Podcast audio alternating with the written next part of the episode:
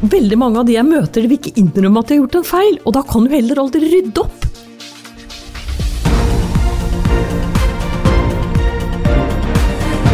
Dette er All In med Oslo Business Forum. I dag har vi besøk av en toppleder som også er uttalt teknologioptimist. En som har vært med gjennom flere skifter og det Hege Skryseth ville ha kalt flere industrielle revolusjoner. Og siden dette er en podkast for ledelse, strategi og innovasjon, er du rett og slett en drømmegjest, Berit Svendsen. Berit er sivilingeniør, har lang og bred ledelses-, styre- og næringslivserfaring. Hun ble i sin tid beskrevet som teledronning Margrethe, og for deg som kanskje ikke fulgte så godt med i historietimen, var Margarete Valdemarsdotter, arkitekten bak Kalmarunionen, en kort periode på 1300-tallet hvor stormaktene Danmark og Sverige ble enige om en union med oss fjellapene dinglende på lasset. Tilbake til introduksjonen av min flotte gjest. Berit har bl.a. ledet kompetanseutvalget som så på mangfold i Forsvaret. Hun har engasjert seg i mange år for rekruttering av kvinner i næringslivet. Dessuten har Berit en egen metode for å strippe menn for hersketeknikker. I dag er hun leder for VIPS International, og jeg er veldig glad for å ha deg her til å fortelle oss mer om framtiden slik du ser den. Det jeg ønsker å lære mer om i denne samtalen er 1. Hva er det VIPS gjennom Berit og gjengen hennes ser i utviklingsglasskula for mobilbetaling? 2. Teknologi og innovasjon. Går det en rød tråd fra ISDN til 5G og plattformselskapene? Og 3. Kan alle kopiere ledelsesfilosofien til Berit Svendsen? Vær nysgjerrig, grip muligheten. Velkommen til podkasten All In med Oslo Business Forum, en podkast for ledere som er lidenskapelig opptatt av ledelse, innovasjon og strategi.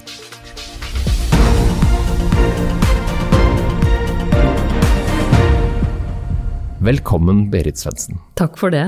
Hyggelig å være her. Jeg har lyst til å starte med å snakke litt om VIPS. Jeg vet det ble satt ny rekord siste helgen i mai for vipsing, da plutselig solen tittet fram og det ble lov til å skjenke oslofolk og østlendinger med da ny resultat for dere i VIPS. Hvordan Var det en overraskelse? Nei, det var ingen overraskelse. For vi har jo sett det under hele pandemien.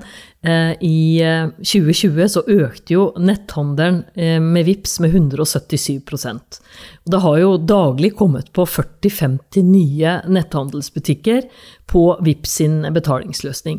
Så det har jo vært en formidabel utvikling. Og når vi også ser dette i sammenheng med at i butikk nå så er åtte av ti betalinger er berøringsfrie, for vi vil jo ikke ta i penger lenger. Vi vil bruke enkle mekanismer som enten kredittkort eller bare betale rett med mobilen. Så ser vi at dette bare er starten på en ny utvikling. Så kontantenes tid er forbi? Kontantenes tid er nok uh, ikke helt forbi, men det blir mindre og mindre av dem, fordi nordmenn foretrekker andre betalingsmåter. Uh, og under pandemien så har jo dette også skutt fart.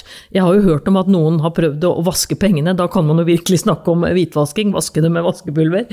Men uh, det har jo ikke vært anbefalt under pandemien å ta inn noe særlig kontanter, og da har andre løsninger vært foretrukket. Og jeg tror at det vil fortsette. Men dere har jo sittet og sett på disse tallene under nå over et år, snart halvannet, med en utvikling som har skutt fart, som du sier. Er det noe annet dere også ser? Så vi ser jo en, en veldig fin sammensmelting nå av netthandel og fysisk handel.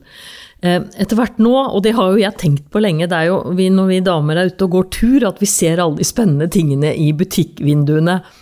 Og det da å kunne handle i en, en, stengt butikk, det har jo vi opplevd nå under pandemien også, ved at man f.eks. kan bare bruke en eh, QR-kode som står på varen, og skanne den, og rett og slett gå inn og netthandle det produktet man ser i butikkvinduet.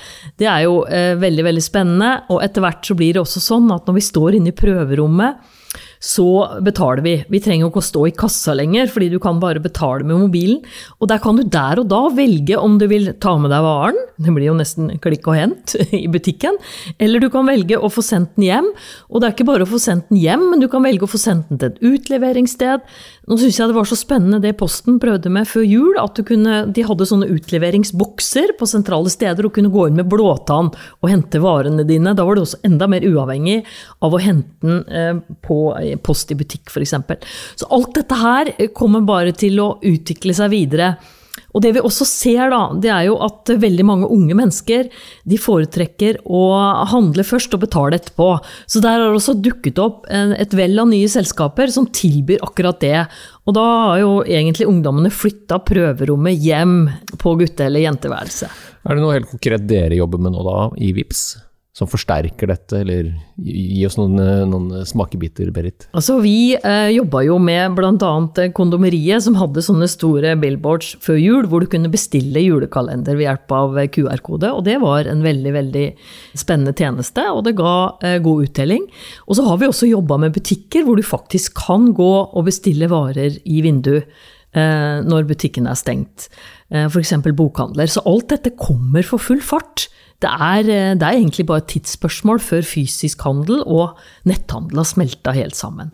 Men et annet utviklingstrekk også, som er veldig interessant nå under pandemien, bruk av bank-ID i eh, offentlig og privat sektor i Norge eh, har økt med 70% under eh, pandemien eller i 2020. Og det er en enorm økning. Bare tenk deg nå med, med, testing, med bestilling av time for å få vaksine, med koronasertifikat, økt aksjehandel. Nordmenn handler jo aksjer som aldri før. Nye krav til sikker kundeautentisering når man handler på nett. 70% økning. Og vi er jo så digitale i Norge, vi ligger jo langt foran. Eh, og her er det også så gode muligheter. Ja, er, er, du glad for disse tingene? Altså, du, du, jeg har jo lest om deg og, og, kjenner til at du har vært opptatt av teknologi og teknologiens uh, anvendelse. Det som skjer nå når du jobber mot B2C-markedet så nært, sammenlignet med Telenor, kjenner du en mer sånn dynamikk og iver etter å endre folks vaner og muligheter? Altså, jeg jobba jo veldig mye mot konsumentmarkedet når jeg var i Telenor også. Jeg husker jo når vi bygde ut 4G eh, på mobilstasjoner istedenfor 3G. 3G, ikke sant, den er jo treg. Eh, da eksploderte jo bruken. Så det var jo fantastisk spennende å se hvordan ny teknologi fører til en utrolig eh, kan du si, økt bruk. da. Uh, og det, er, det syns jeg er fascinerende. Alltid syns vært eh, fascinerende. Og det er jo akkurat det samme nå under pandemien. Man, man, kunne jo gjøre to ting. Man kunne liksom bare prøve å gjemme seg og si at uh, dette går over, hvis man var uh, en som drev med, med, handel. Eller så kunne man si oi, dette må vi utnytte mulighetene på. Her må vi som butikk evne nå å selge varene på en helt ny måte. Og jeg er helt imponert hvordan eh, handelsstanden, hvordan eh, mange har snudd seg rundt i Norge og klart å utnytte mulighetene. Et selskap som jeg syns er veldig spennende, er jo Order, eh, hvor du unngår å stå og måtte sitte og vente på restaurant. Du unngår å sitte og vente på um, å få kelneren til bordet. Fordi du faktisk bare sitter og bestiller alt ved bordet, eh, og du deler omtrent regninga før du har fått eh, maten din. Så det er jo Jeg tenker på den type si, innovasjoner som kommer. Og order de går nå nordisk, de går internasjonalt. Fordi vi i Norge vi er, så, vi er så opptatt av å teste ut ny teknologi. Og treffer du, så treffer du. Og det er veldig, veldig spennende marked eh, å operere innenfor da. Har dere noe innovasjonsmetodikk som dere følger i VIPS? Altså, min holdning til innovasjon er jo at det må starte med, med toppsjefen. Altså, det er jo toppsjefens holdning. Eh, hvis man jobber et sted og man kommer stadig med nye ideer, og lederen sier nei, dette har vi prøvd før, nei, nå må vi fokusere på, på kostnadseffektivitet, nei, dette driver alle andre med, ikke vi. Eh, så tenker jeg at man har en kjempeutfordring. Så det må være genuint fra toppen at eh, man ønsker å bevege selskapet, man ønsker å ta nye posisjoner, man ønsker å vinne markedsandeler. Og det eh, har man veldig god mulighet til å gjøre når ny teknologi og teknologiendringer inntreffer. Da. Og da vil jeg bare nevne det som Economist nå nettopp har sagt, for her ligger det så spennende ting. Economist sier nå at nå går vi inn i en ny æra for innovasjon. Og de begrunner det med tre ting. Det ene er jo det tempo som disse vaksinene, som vi alle går og lengter etter, har blitt utvikla eh, med. Det at vitenskapen møter medisinen er ganske spennende. Det er jo en slags form for kunstig intelligens, det vi putter inn i, eller maskinlæring, det vi putter inn i kroppen. Så tror kroppen at den får covid, og så får den noe helt annet.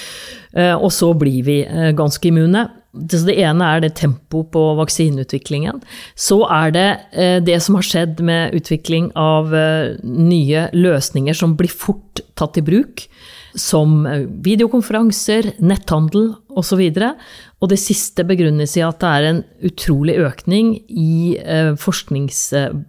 investering i forskning og utvikling i USA. Og de tre tingene, sier Economist, det er nok til å være ganske sikre på at det kommer en utrolig vekstperiode når pandemien er over. Og alt skal kobles på nett. Vi har jo tingenes internett. Så det med, med, å effektivisere og tilby nye tjenester basert på tingenes internett, der ligger et potensial. Det med det grønne skiftet, her har vi eh, en stor jobb å gjøre også i Norge. Industrien har vært veldig flinke til å automatisere. Eh, nå ligger en ny bølge der med tingenes internett. Men det med grønn omstilling, eh, det må vi ta mye mer alvorlig enn vi har gjort hittil. For vi er jo alle glad i å ha rent vann i springen og gå ut i naturen og ha mangfold og kunne bade i havet og ikke være redd for alt mulig når vi gjør disse tingene. Og vi må ta vare på det vi har, og det ligger det så gode muligheter for.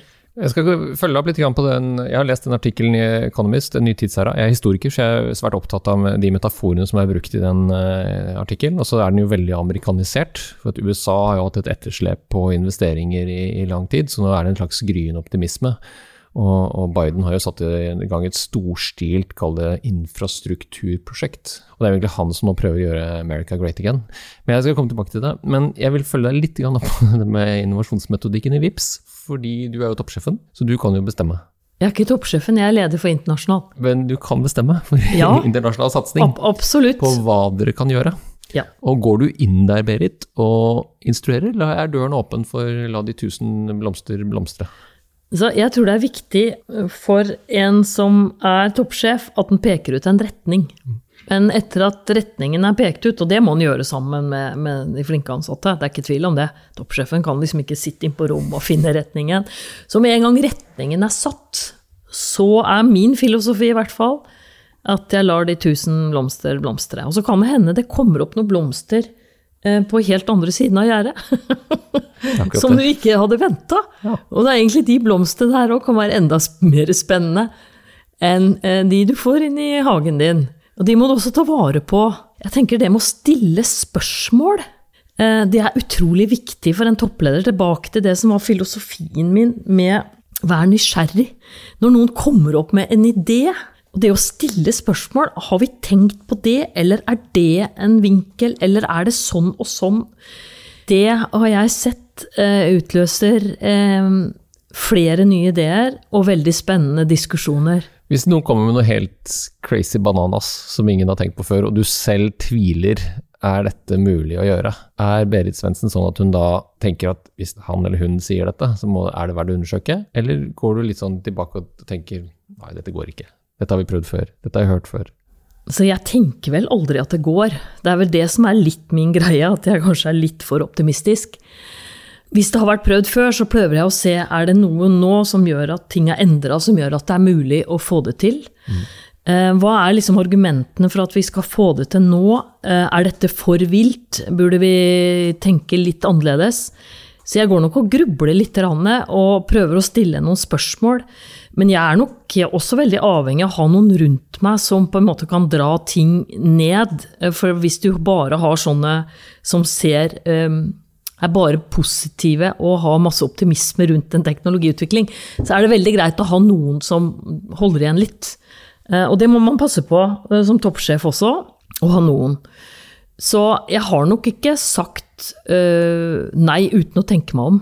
Jeg har ikke det. Og så er det også sånn, sånn som jeg opplevde eh, når vi skulle bygge ut eh, Sto mellom valget mellom 3G og 4G i Telenor Norge, så var vi på vei til å bygge ut 3G. Og det var jo en gedigen feil. Vi må jo alltid bygge ut med den siste teknologien hvis den er velprøvd. Når vi så hvordan kundene, tilfanget og bruken av 4G økte når vi bygde ut med riktig teknologi.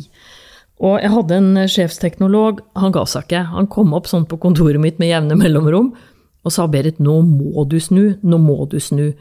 Og det tenkte jeg mye på. Og så tenkte jeg han har rett, og han hadde sagt det en del ganger, jeg må snu. Og da samla jeg eh, toppledergruppa, lagde en business case, for i Telenor var det jo sånn at vi måtte konkurrere om investeringspengene med eh, ti andre forretningsenheter land.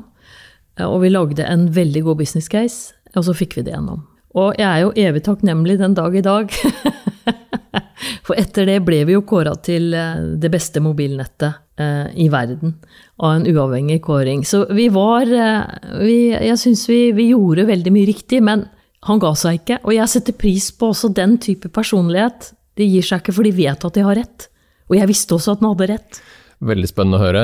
Og når du som toppleder da tenker, vi skulle gi råd til andre toppledere, hvor, lang, eh, hvor ofte skal man tenke ut den retningen? Er det hvert år, er det annethvert år, er det i forhold til sånne strategiprosesser, eller, eller, kan man ta det kvartalsvis eller halvårsvis? Altså Man må jo ha en kultur for innovasjon og gode ideer. Hvis man jobber i en, en kunnskapsbedrift som VIPS, så er man hele tiden nødt til å prøve å fange opp de gode ideene og prøve å få en god vurdering av dem, og se hvilke ideer er det vi skal iverksette.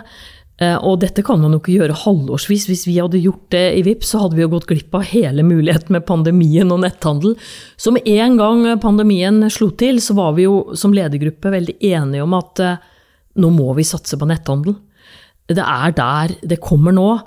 Eh, og så visste vi jo ingenting om hvor lang tid dette kom til å ta, men vi var veldig enige, og vi fikk eh, allokert ekstra ressurser inn på området, og vi begynte å ta posisjoner. Eh, så det er sånn man må gjøre. Man må bare utnytte mulighetene, og det er, det er ikke alltid man har det i en skriftlig en strategi, men man må vite hvilket område man jobber innenfor, og hva som beveger seg der ute. En av Oslo Business Forum sine dyktige foredragsholdere, Alexander Osterwalder, han hevder at alle bør minst sette av 40 av tiden sin til å tenke eller konseptualisere noe innovativt. Er det mulig å få til i, ja, kanskje i VIPS, men i alle selskaper? Så jeg tror at dette er en større utfordring for en toppleder.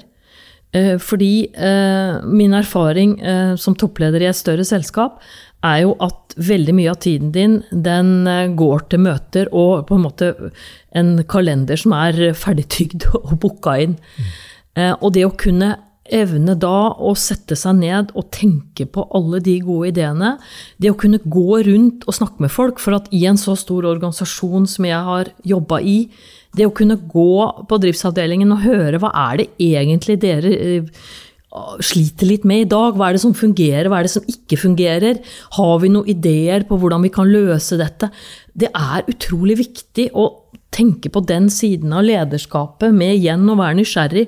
Snakke med folk, for ideene de er i organisasjonen. Det er de ansatte som har de gode ideene. Og det med å, å, leie inn masse konsulenter ofte for å hjelpe seg med å lage en strategi De går jo bare rundt og, og intervjuer alle de flinke ansatte og lager en rapport. Som toppledelse så er det mye bedre å gå og snakke med de ansatte selv. Så slipper man det. Så det er også mitt råd. Det er å drive en bedrift med, med i stor grad egne ansatte, og særlig på strategisiden. Eh, fordi det er de ansatte som vet best Det er veldig godt å høre. Jeg tror også det er en berøringsangst i mange virksomheter om å også spørre den som kanskje vet det enda bedre, nemlig kunden. For at man er redd for at hvis man spør kunden, så sier kunden at nja. Og, og det er større frykt hos de som produserer tjenesten eller produktet, enn det man egentlig vil innrømme. Hva tror du om det? Jo, for det kan ofte være litt ubehagelig å spørre kunden, ikke sant, fordi man får tilbakemelding. Og der er også min holdning altså Jeg har vært i veldig mye kundemøter, og jeg har jo møtt eh, også kan du si, en del veldig eh, store krav i forhold til der vi er. Og jeg har alltid liksom tenkt etterpå du verden og flott det er å ha så krevende kunder. For å ha krevende kunder, så blir man en fantastisk god leverandør. Og hvis man ikke utnytter den muligheten med å bli bedre, for det er jo absolutt den arenaen man må bli best på, det er jo når man snakker med kundene, eh, så gjør man en stor feil. Så vær glad for at du har en krevende kunde, og tør å snakke med kunden. Absolutt. Du, er det en, er det en litt sånn historisk eh, sjanse å ta her? For at, eh, jeg, jeg, har jo selv eh, levd såpass lenge at jeg husker jo de første analoge modemene, og så husker jeg ISDN og ADSL, og når vi begynte liksom å koble oss til internettet. Går det en rød tråd fra ISDN i 1980, slutten av 80-tallet, fram til det vi ser vokse fram i dag, som blir omtalt som plattformøkonomier, Berit? Så jeg vil jo si at det er jo internett som har skapt alle disse mulighetene. Altså, TCP-IP, som er liksom protokollen som brukes i internett, den blir ble jo på en måte eh, et resultat av eh, at eh, forsvarsindustrien i USA satte ut en gedigen kontrakt til industrien for å prøve å finne en kommunikasjonsmåte som var bedre enn det teleoperatørene drev med, ATNT på den tiden. For de var jo veldig opphengt i veldig sånne, kan du si, kompliserte måter å kommunisere på for å sikre seg fra A til B. Og så dukka jo internettkonseptet opp, så jo, og da ble jo på en måte teleoperatørene eh, Fikk jo da en enorm vekst, fordi alle ville jo ha aksess til internett. Og da måtte jo de tilby gode løsninger for å få tilgang til internett, og det begynte jo med ISDN. Altså, jeg begynte jo i Televerket når alle var opptatt av, av telefoni, eh, fasttelefoni. Eh, de hadde akkurat bestilt 52 tilleggstjenester til fasttelefoni fra Eriksson og Alcatel på sentralene, sånn at alle skulle ordentlig liksom bruke fasttelefoni. Og jeg husker jeg satt på et ledermøte på, på 90-tallet og så på disse kurvene på ISDN som vokste rett til himmels. Og da var det en som spurte hva er det som skjer her, da? Så sa jeg det er ikke så veldig rart, fordi det er tilgang til nettbank. For da hadde jo bankene i Norge de lå jo veldig langt fremme allerede den gang.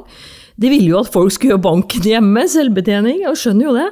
Det var jo veldig dyr filialstruktur, og da kom jo de opp med eh, Etter hvert så kom jo både bank-ID for å identifisere kunden, det kom veldig gode løsninger for å få tilgang til banken og betale regninger. Jeg husker jo før du putta det i en konvolutt og la det i postkassa, så var det sikkert noen som tasta det inn i andre enden. Så det var jo en prosess bare for å få betalt regninger. Og det er jo veldig interessant å se tilbake, men du verden, igjen tilbake til det har vært avanserte kunder eh, som har dratt opp nye anvendelser fordi internett eh, kom opp, og så har alt dette på en måte utvikla seg i en sånn fantastisk innovasjonslaboratorium. Hvor mer og mer har blitt mulig, og så er det ikke alt som er like bra, det kan vi jo være enige om. Men eh, det har jo kommet fram veldig mange spennende innovasjoner. Men i dag er det jo en konkurranse om markedsandeler og teknologiske løsninger som kan samhandle, og, og kanskje ikke alltid proprietære løsninger. For hver nasjon og hver geografiske domain vil ha sine kall det trygge løsninger. Hvordan ser du framtiden for dette her? Blir det noen st få store plattformer globalt, eller vil vi klare å ha noen sånn nasjonal kontroll, som Silvia Seres er bl.a. veldig opptatt av, på dataene våre? Så dette, jeg syns jo det er vanskelig å liksom spå den utviklingen av internett. fordi når vi ser liksom at kineserne gjerne vil ha en egen eh, bolk som ikke er tilknytta Vesten, og det er flere andre land som også henger seg på det, og så har vi det, det mørke nettet hvor det foregår ting som ikke tåler dagens lys. Så jeg syns jo vi ser en, en, på en måte en trend i at internett vil deles og splittes i større grad enn jeg tror hadde vært smart for å ivareta det som en, en, den fantastiske markedsplassen. Så det blir veldig spennende å følge med fremover. Og du kan nevne Kina og, og, andre land, men det er jo også spennende det som skjer i USA. Det var jo De går jo kanskje Nå er det jo demokratisk styresett, men hvem vet hva som skjer igjen om noen år? Og de har også bevega seg kanskje i en litt annen retning enn vi i Vesten er vant til, da. Mm. Tenke på det med, med tilgang til informasjon, det med alt disse falske nyhetene som er der ute, det at folk tror på det. Det er jo også noe vi må jobbe med uh, for å på en måte, Først er det jo folkeopplysning, og for det andre så er det jo hvordan hindre at sånt skjer i større grad. Sånn at ikke land kan ødelegge for hverandre inn i presidentvalg og alt det som på en måte kan være en realitet. da. Ja, og Det du egentlig snakker om, Berit, er jo tillit. Altså, tillit tar det jo lang tid å bygge opp, og veldig kort tid å rive ned. Og det gjelder jo ikke bare politikere, men det gjelder i aller høyeste grad ledere. Og toppledere kanskje i særdeleshet. Og når man skal da forvalte dataene til folk, og kompleksiteten øker, som du også var inne på, så har vi jo nå også en økende andel i populasjonen. Jeg tror det er et politisk parti som driver og maser om at det er rundt 10% av befolkningen, rundt 600 000 voksne, som sliter med at de ikke klarer å gjøre disse tjenestene selv så har vi fått noen utfordringer fordi at vi har hatt det så travelt også med å adoptere teknologi? Ja, absolutt. Altså, jeg har jo en mor som er 86 eh, år, og hun, hun er jo interessert i å lære seg alt. Eh, hun, hun, sitter og gjør selvfølgelig alt med banken på PC-en sin, og hun laster ned smitteappen og bestiller seg time for, eh, for koronavaksinen og gjør alt det som skal gjøres på nett. Men hun har jo også venninner som ikke klarer å kjøpe seg en billett på bussen, fordi de syns det er veldig vanskelig å laste ned alle disse appene og holde orden på disse. Så, så jeg tenker at det er, det er en veldig spredning i, i befolkningen. Da. Og det, det, må vi også ha veldig respekt for. For det er klart nå, særlig eldre, som sliter med at samfunnet er blitt så digitalisert som det det er. Og det vil faktisk ta en generasjon før vi er liksom ute av det, for da er jo vi, den generasjonen som kommer nå, Eh, som nå er voksne, er jo mer digitale. Men de eldre, de Altså, jeg skjønner det veldig godt. Så jeg pleier å si til de eldre jeg kjenner, du må få hjelp av eh, barna og barnebarna dine, for de kan jo dette opp og i mente. Uh, og så må man passe på å bidra også til de som ikke har noe barn og barnebarn, hvis man opplever at noen sliter litt med alt det digitale. Men dette er en utfordring, helt klart. Og det er jo da, en, som du sier, en sånn generasjonstematikk, men det er jo åpenbart, hvis du ser til andre land, at det er også en slags skepsis til uh, ja, the establishment, er det dårlige begrepet på det. Altså hvor det kommer alt flere konspirasjonsteorier og andre former for å liksom peker på en, en, ja, en, en gryende mistenksomhet. Da. Og jeg vil ikke tro at det blir noe mindre, hvis du ser igjen tilbake til dette med tillit. Jeg har vært bankkunde i DNB i alle år. Jeg har litt motvillig lastet ned vips applikasjonen fordi at jeg er, jeg er nok mye mer på ikke mot teknologisk utvikling, men jeg ser jo åpenbart hva som er egeninteressen til de som driver det. Og det er, så, det er sånn sterk kraft som tvinger deg til å være med. Hva slags verktøy har man, for du sitter jo i styrene til disse selskapene. Hva, hva, jobber man med for å få med seg flest mulig, slik at ikke tilliten blir svekket? Altså, eh, Der er du inne på noe viktig. For jeg tenker at liksom de dataene som disse, alle disse selskapene samler innom oss, innom oss, det er jo egentlig våre data. Og det å ha samtykke fra kundene på at det kan brukes til noe annet enn det mm, man egentlig tror at det kan brukes til, det er jo helt nødvendig. Eller hvis man skal bruke det til noe i hele tatt, så må man ha samtykke. Og hvis man liksom får ned noen av disse utenlandske appene og leser alle de brukervilkårene og alt det der, så trykker man bare OK, OK, OK, for man får helt eh. Så det kan nok på en måte, tror jeg, bedre folkeopplysning rundt det der. Eh, samtidig med at eh, det er viktig å vite at eh, veldig mange har større tiltro til lokale aktører enn store nasjonale. Og så er det også sånn som jeg tenker at det er mulig å, å klare å angi kilden til hvem er som kommer med informasjon. Det fins teknologier for å gjøre det på nettet. Eh, sånn at man vet er det New York Times som har kommet med den artikkelen, eller er det et eller annet eh, merkelig nettsted i et eller annet land som eh, vi kanskje ville satt litt spørsmålstegn ved. Det fins det muligheter for, men det er på en måte å innføre det, da. Og samtidig som jeg mener at det er folkeopplysning. Mm. Altså når du ser på alle de konspirasjonsteoriene som er rundt der, så er det jo noe som er veldig mottagelig også for alle disse tingene som kommer. Og da er det egentlig Det er jo skole og utdanning og folkeopplysning og det med å fortelle folk hva de skal tro på og ikke tro på, men det er jo sånn som du var inne på til å begynne med, det er vanskelig i land der man ikke alltid har stolt på myndighetene. Så dette er, dette er, problematisk, og det må vi fortsette å diskutere. Jeg tror vi I Europa har vel kjempet i ca. 800 år for demokratiet, og dette handler ikke om religion. Dette handler om den diskursen vi har hatt om, om forskjellene og institusjonene kontra det følelseslivet, som vi alle må ha lov til å ha, og utvikles kall det parallelt med samfunnsstrukturene. Men når man angriper samfunnsstrukturene med følelser, mm. så hjelper det ikke mye data man har samlet. For da kan man jo bare sette seg på siden og si at nei, jeg stoler ikke på hun der eller han mm. der. Mm. Så det er, det, jeg er jo helt enig med deg, vi må snakke om det. Jeg er jo, i motsetning til deg, da, er jo skeptisk til de kidsa koder. Jeg mener jo heller man bør lære mer historie og diskutere retorikk. For det er i retorikken hvor folk røper seg. Mm. For det er når du kan påstå ting og ikke må dokumentere det, og, og, det blir liksom Da kan man bare løpe videre. Da har vi som samfunn et kjempeproblem. Mm.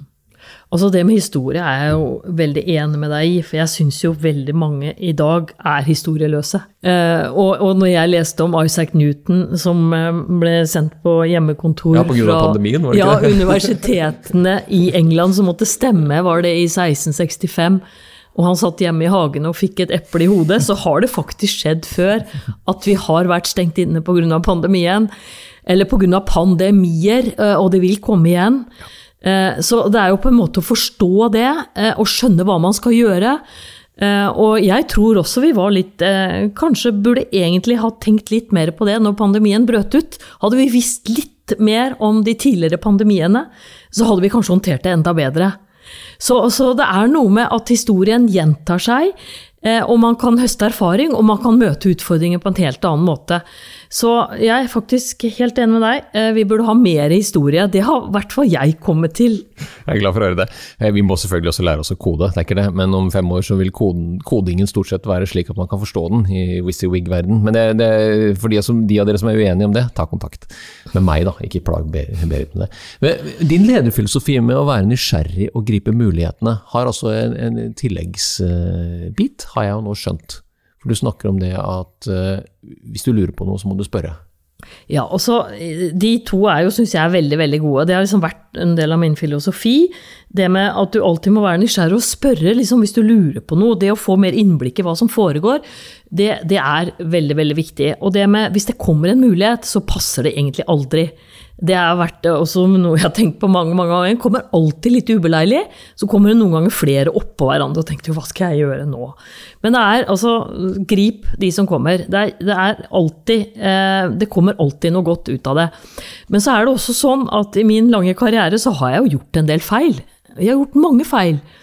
Og det med å ha den tryggheten når man gjør en feil, altså er det min filosofi da er ikke gjem deg og liksom si nei, den feilen her var ikke så farlig. Bare innrøm det med en gang. Nå har jeg et problem. Og det jeg da gjør, jeg roper om hjelp. Jeg roper om hjelp til de ekspertene som jeg vet er der rundt meg, som jeg jobber sammen med. Og jeg får så gode råd, og ofte så dreier det seg om dette må du rydde opp i sjøl. Men du kan ringe den og den og be om at det var sitat Dette sjekka jeg ikke ordentlig på sitatsjekken, det må du endre. Og det pleier ofte å gå veldig, veldig bra. Så det er egentlig sånn at hvis du først ender opp i salaten, og før eller siden så ender alle opp i den salaten, så ikke tråkk mer rundt. Stå helt stille og be om hjelp. Ikke tråkk mer rundt i salaten. er, det, er, det, mange som gjør det da, tror du? Jeg tror folk gjør feil hele tiden. Ja, Men ikke det menneskelige? Jo, men det er, det er jo bare å innrømme det. Ja. Jeg tror veldig mange av de jeg møter, de vil ikke innrømme at de har gjort en feil, og da kan du heller aldri rydde opp. Men tror du det har med selvtillit og, og selvbilde og trygghet å gjøre? Ja, og så har det med erfaring å gjøre. Man er litt redd, ikke sant. Dette og det skulle jeg ikke ha gjort. Det, du har gjort det. Mm. Og da må, det er også, Før eller siden ender alle opp i en krise. Men det er hvordan vi håndterer krisen, som er der du liksom måler de beste mot de dårlige. Jeg har ett spørsmål til til deg før vi skal begynne å oppsummere. og Jeg vet ikke om du klarer å svare enkelt på det, men jeg kjenner og har hatt mange dyktige kvinnelige ledere i de 30 årene hvor jeg har jobbet. Og det slår meg jo at veldig få av de, for av og til så sjekker jeg, sitter i, i styrer. Men det gjør du. Og i anerkjente styrer, og hatt en lang styrekarriere, Berit. Hva er ditt råd til eh, dyktige kvinnelige ledere som trengs i styrene? Hvordan kommer de seg inn dit? Ja, det, det, har en, det, har jo vært en tendens til at de samme damene går igjen i styre etter styre. Det som jeg gjør da, eh, når eh, noen ringer meg og spør om jeg vil ha styreverv, det er at jeg har en liste over eh, dyktige damer som jeg vet kan gjøre en god jobb. Og så er jeg med i Vi har noen sånne gjenger hvor vi sitter og diskuterer sånne ting, og vi får opp lister og anbefaler og gjør sånne ting. For vi er opptatt av å fremme de som er flinke. Og det fins veldig mange flinke, men det er på en måte hvis alle gjør det De som får spørsmål som ikke kan tale på seg selv, eh, vet om eh, en fem-seks andre som kan gjøre det, så tror jeg vi kommer mye, mye lenger. For de finnes der ute. Så må, det du sier er at de må tørre å synliggjøre seg og sin kompetanse? Ja, men så må du også det å, å, på en måte oppsøke noen, da, som du vet får en del spørsmål om styreverv. Det er ikke farlig å oppsøke noen. Du kan gjøre det på LinkedIn, du kan gjøre det på, på Instagram, du kan gjøre det på Twitter. Jeg får sånne henvendelser hele tiden. Eh, og jeg tar en prat med dem, og jeg har anbefalt veldig mange av dem til styrer. Så det er sånn vi må gjøre. Vi som har vært der ute en stund, vi må hjelpe til. Jeg likte veldig godt det du sa. Du kalte det gjenger, og ikke kvinnenettverk, som Trygve Hegnar ville ha kalt det. Så det likte jeg veldig. Gjengene, gjengene til Berit og co., det er verdt å følge med på. Og, dette er jo litt sånn eh, fristende å, å si at eh, det er, no, det er nok ikke genetisk, det har bare blitt sånn fra strukturen har vært her så lenge. Jeg så 'Suffragettene', denne filmen som gikk på NRK i, i, før helgen. torsdag eller fredag eller hva det var for noe. Og det, dette har man holdt på med i over 150 år. Det å åpne for at det er to kjønn og man kan tenke litt forskjellig, men også ganske likt. Hvis man ønsker makt. Er det noen andre råd du vil gi til kall det unge eller voksne kvinner som vil opp og frem i næringslivet? Altså, makt uten å ha kunnskap, det er farlig. Så man må jo kunne det man skal uh, lede. Det er viktig. Man kan gjerne kunne mye om ledelse og mye om store organisasjoner. Man trenger ikke akkurat kunne fagfeltet, for det er mange ting man kan kunne. Men man må være veldig sikker på at liksom, man har den kunnskapen som trengs for å ta posisjoner og evne å ta en bedrift fremover. Da. Og så må man passe på at man har rundt seg det man ikke har selv. Uh, og hvis man gjør det, uh, så er det veldig gode muligheter for å lykkes. Veldig, veldig bra, Berit. Jeg skal oppsummere med da vi har snakket om uh, dette siste med makt og den kunnskapen du må ha for å kunne utøve den makten, eller komme i posisjon for å ha makt. Og den skal du ikke holde på til evig tid for den er blitt gitt deg. Det er jo, det er jo en slags uh, anerkjennelse og en fristelse som man kan bli veldig sjuk av, faktisk, den makten. Vi har snakket om netthandel og fysisk handel, som du som da kvinne, når du går på tur, så blir du inspirert av dette. Jeg som mann, jeg syns dette er bare er merkelig. Jeg syns det har vært kjempebra med pandemien, for det har vært en veldig effektiv måte å handle på. Så jeg har jo fått det akkurat sånn som jeg vil, inkludert vipsing. Eh, jeg tror det har vært verre for dere, for så vidt. det kan vi ta en annen gang. Og innovasjoner må starte med toppsjefen, sier du. Og at uh, hvis toppsjefen bare er opptatt av regnearkene og få svarte tall på Excel-arket sitt, så kan det gå utover spennende innovasjonsmuligheter. Retningen settes av toppsjefen, men du må la de tusen blomster blomstre fritt etter en gærning borti Asia. Vi må være nysgjerrige, og toppsjefen må være nysgjerrig. Og når du stiller spørsmål, så er det jo fordi du trenger hjelp. Og det er alltid hjelp å få, sier du jo. Det er jeg jo helt enig i. Vær glad for de krevende kundene du har, men også kanskje de krevende ansatte, som ønsker deg og selskapet vel. Og så må vi ha mer historien i skolen, det er vi begge to enige om. Det er jeg glad for. Det bare snek jeg inn her nå. Eh, grip mulighetene, har du sagt, både her og flere andre sammenhenger. Det håper jeg du fortsetter å si, Berit. Det er veldig inspirerende når du kommer og sier det, så gjenta det. Ikke slutt å si det. Og til dere andre, ikke tråkk rundt i salaten. Man skal heller ikke være skadefri og tenke at å, nå er det noen som har dritt seg ut. For vi har litt lett for å gjøre det, Berit. Vi har litt lett i Norge fortsatt for å dra det der jantelovskortet, og at ingen skal være likere enn den andre. En siste kommentar på noe sånt? Ja, absolutt. Eh, men det tenker jeg, hvis man innrømmer det og ber om hjelp, så vil på en måte det, det også spre seg, sånn at det blir akseptabelt. Mm. Så ydmykhet er den nye vips currencyen. Vi sier så. Tusen takk for en veldig spennende og hyggelig samtale. Jeg har lært masse av deg, Berit, og lykke til videre. Takk for det. Takk for samtalen. Det var hyggelig. Hvis du likte denne podkasten, hadde vi satt utrolig stor pris på om du abonnerte og gir oss en tilbakemelding i avspilleren.